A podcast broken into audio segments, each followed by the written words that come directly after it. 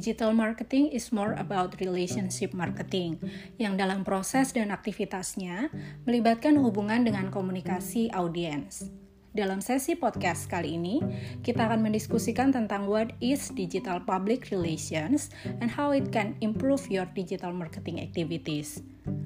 Sebelumnya, penting bagi kita untuk memahami apa perbedaan PR digital dan PR konvensional. PR konvensional mengacu pada kegiatan humas untuk tujuan publikasi yang berfokus pada saluran komunikasi konvensional, misalnya media cetak, televisi, maupun radio. Sedangkan PR digital adalah bentuk PR yang telah berkembang dan mengacu pada kegiatan humas untuk tujuan publikasi yang berfokus pada saluran komunikasi berbasis digital. Jadi perbedaannya itu terletak pada media atau platformnya. Dalam pemasaran digital, PR digital dapat ditempatkan sebagai strategi pemasaran online yang digunakan oleh brand maupun perusahaan untuk meningkatkan kehadiran digitalnya.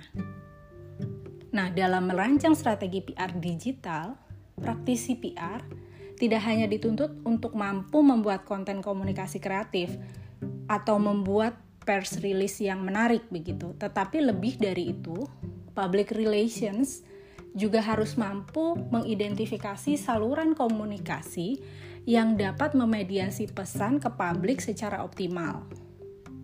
Nah, dalam hal ini, PR kemudian sering kali berelasi dan bekerja sama dengan publik lain. Misalnya dalam hal ini adalah jurnalis, blogger, maupun influencer untuk mengirimkan siaran pers digitalnya atau konten PR digitalnya kepada publik. Jadi public relations idealnya harus bisa membentuk relasi.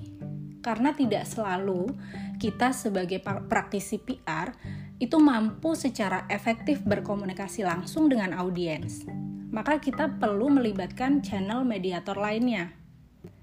Jurnalis di sini bisa jadi seseorang yang menulis berita di surat kabar atau di majalah digital, bisa blogger atau siapa pun gitu ya, yang mampu membuat konten komunikasi public relations kita itu ada di platform digital. Kalau blogger tentu saja adalah orang yang kemudian mengelola dan menulis konten pada media blog. Nah, yang ketiga yang perlu kita pertimbangkan itu adalah influencer.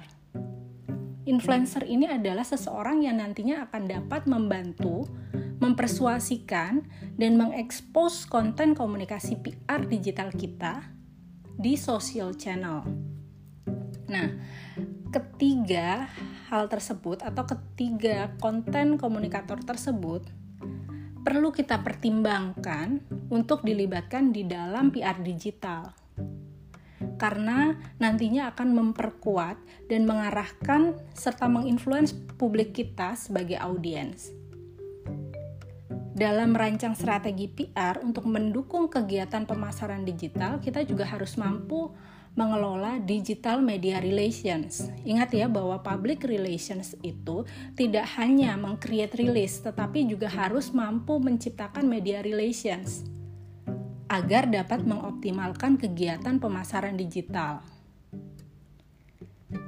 Dengan memilih target relasi yang tepat, maka kita akan dapat menciptakan backlink Backlink itu adalah tautan link yang akan mengarahkan audiens kita ke website brand maupun perusahaan kita. Nah, backlink ini menjadi tujuan kita e, mengoptimalkan tiga komunikator konten tadi. Dengan pemilihan target relasi yang tepat juga, kita dapat e, mendapatkan traffic di media sosial dan mengoptimalkan jumlah pencarian terkait brand maupun perusahaan kita. Maka backlink yang tadi saya bicarakan itu adalah backlink yang akan berkualitas dan akan menciptakan publikasi online yang berkualitas juga. Jadi kenapa kita harus melibatkan uh, komunikator lain di dalam saluran digital kita adalah untuk itu tadi, untuk mendapatkan backlink atau tautan itu tadi, untuk meningkatkan traffic juga agar orang mau membicarakan atau mau merekomendasikan brand maupun perusahaan kita kepada publik.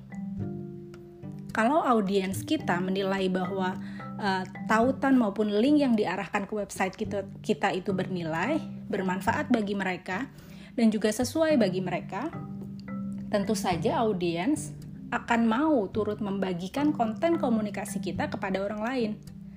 Bahkan, audiens kita juga bisa saja merekomendasikan ulasan positif terkait brand maupun perusahaan kita.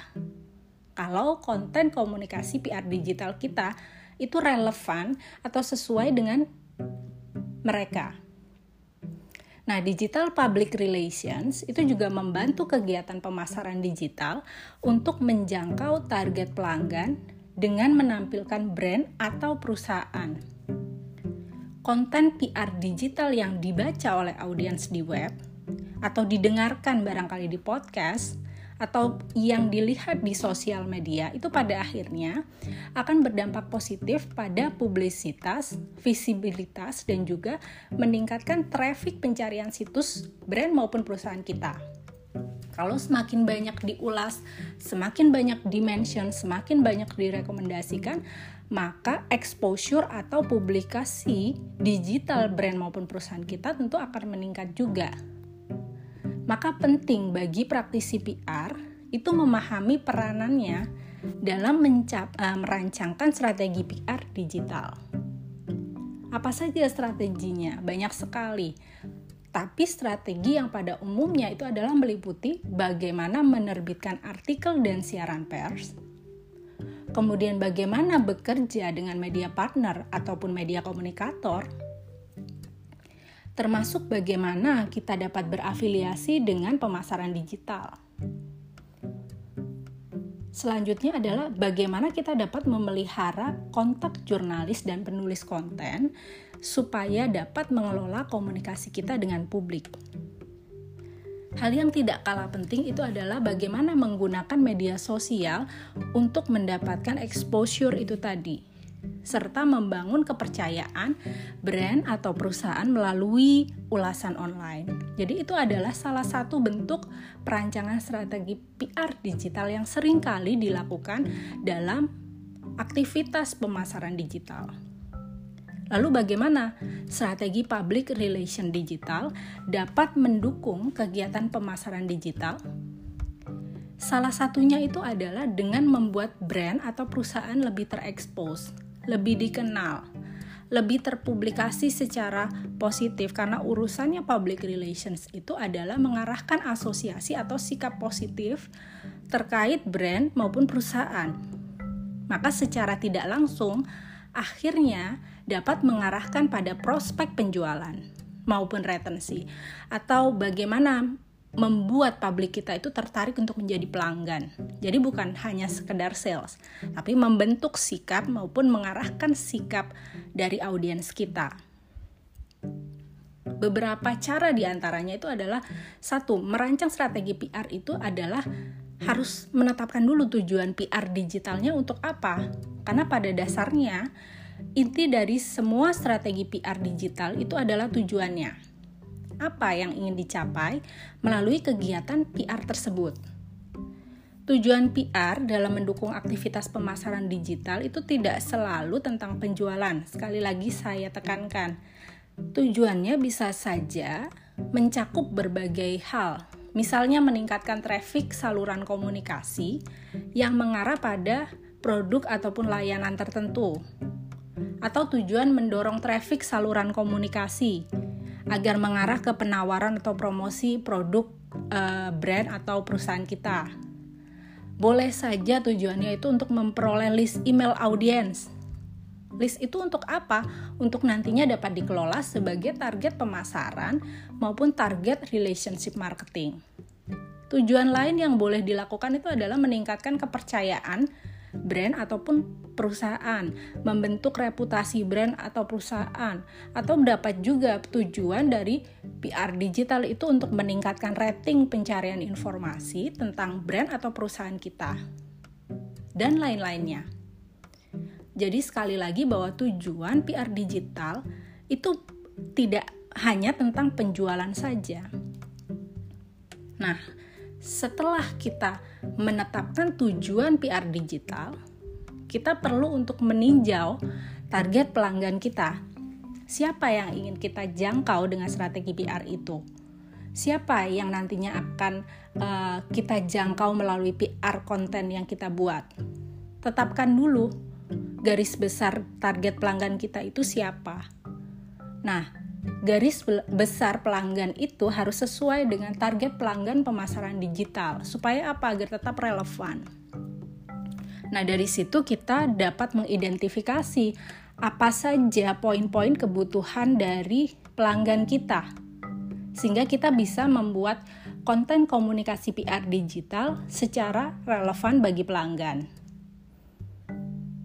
Setelah menetapkan tujuan PR dan meninjau target pelanggan, kita menuju ke step berikutnya yaitu menentukan gagasan dan riset terkait konten PR digital yang kita rancangkan. Nah, menentukan gagasan harus dengan riset. Karena ide dan gagasan PR digital itu harus ditetapkan melalui pendekatan data. Gagasan yang baik itu adalah gagasan yang dapat diimplementasikan dengan tepat.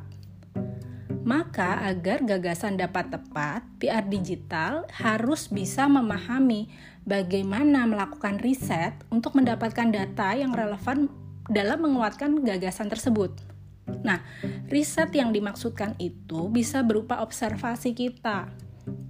Nah, atau menggunakan referensi atau meninjau data tentang pelaksanaan PR digital yang sebelumnya pernah dilaksanakan. Jadi kita dapat gambaran objektif bagaimana merancang gagasan PR digital yang lebih sesuai. Jadi kita lihat referensinya, kita cari tahu konsep gagasan PR yang sejenis. Apa positif negatifnya?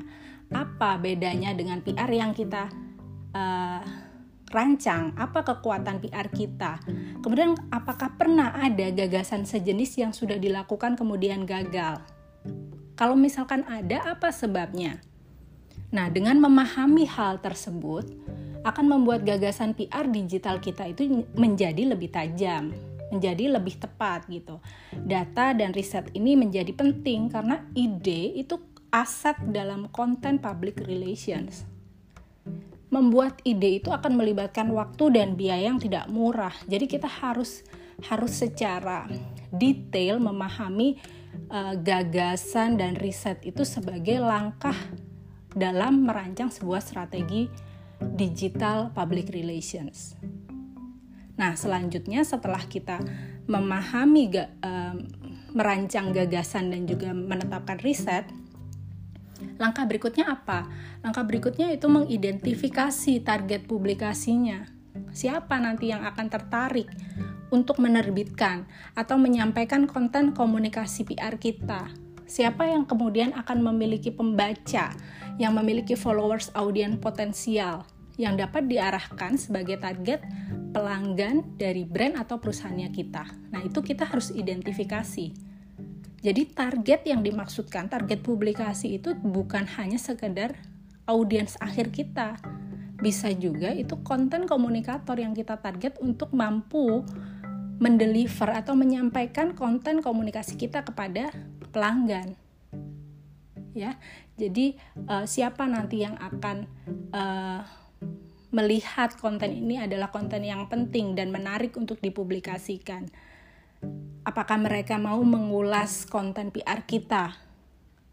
Kalau misalkan mereka tidak mau atau mereka menganggap itu tidak menarik untuk diulas, ya kita akan kembali ke step sebelumnya yaitu apa?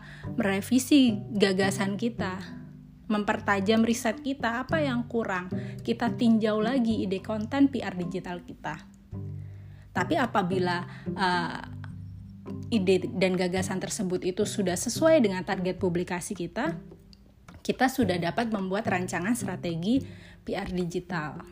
Nah, kita buat secara detail draftnya, kita buat secara uh, menarik agar dapat dikomunikasikan secara menyeluruh gitu ya, agar agar bisa lebih detail disampaikan juga ke publik. Nah, kualitas dari strategi PR digital itu akan sangat menentukan bagaimana nanti konten komunikasi kita itu dapat sampai kepada publik atau bagaimana dapat menarik orang lain untuk mengulas konten tersebut. Gitu. Nah, merancang strategi PR digital itu juga tidak hanya memikirkan bagaimana kontennya menarik, tetapi juga bagaimana nanti apabila konten itu menarik dan orang lain tertarik untuk mengulas konten tersebut, kita juga dapat membina hubungan dengan digital media partner yang mau mengulas konten kita. Jadi yang sudah berkenan untuk mengulas, kita akan keep networking dengan mereka dan menjadikan mereka sebagai media partner dari konten komunikasi kita. Nah, itu adalah bagian dari perancangan strategi digital PR. Nah, beberapa jenis strategi PR juga yang umumnya dilakukan itu adalah dengan menerbitkan artikel atau informasi menarik secara online untuk mendapatkan backlink lagi-lagi agar backlinknya berkualitas. Selain itu membangun dan memperkuat networking dengan jurnalis, editor, konten kreator yang uh, untuk mendapatkan backlink yang berkualitas lagi. Jadi end up tujuannya itu adalah membangun backlink atau menciptakan komunikasi baik di belakang kita maupun di depan kita. Jadi kita mengontrol saluran komunikasi supaya lebih banyak mempublikasikan brand atau perusahaan kita secara digital atau secara online. Nah, strategi lainnya apa? Yaitu menerbitkan siaran pers. Terus kemudian mengkurasi konten, mana yang layak diberitakan mana yang tidak layak diberitakan gitu kan kemudian membuat konten mengelola konten untuk komunikasi web interaktif kita terus bagaimana caranya menjangkau blogger atau influencer yang tepat agar mereka itu mampu mengarahkan followernya untuk menjadi pelanggan kita. Jadi kegiatan strategi public relation digital itu tidak hanya tentang membuat konten rilis saja. Oke. Nah, tentu berikutnya itu adalah membuat konten PR digital. Tadi saya bilang tentang konten PR digital. Nah, konten PR digital yang baik yang seperti apa yang sudah bisa menjangkau publik. Jadi pastikan konten PR digital kita itu harus mampu menjangkau pelanggan kita. Dan kalau sudah di, bisa menjangkau pelanggan kita, konten komunikasi kita juga harus mendominasi mereka Gimana caranya PR itu harus terus menjangkau publiknya, baik melalui situs web, kemudian menggunakan uh, media relations, menggunakan influencer. Kenapa? Supaya publik itu tetap uh, berada pada jangkauan komunikasi kita. Oke, okay. after all, keberhasilan PR digital dalam mencapai tujuannya itu secara tidak langsung juga akan menjadi support system bagi digital marketing untuk mencapai tujuan pemasarannya. Demikian diskusi kita terkait peran digital public relations dan dalam mengoptimalkan kegiatan pemasaran digital. Sampai jumpa pada sesi podcast berikutnya and have a nice day.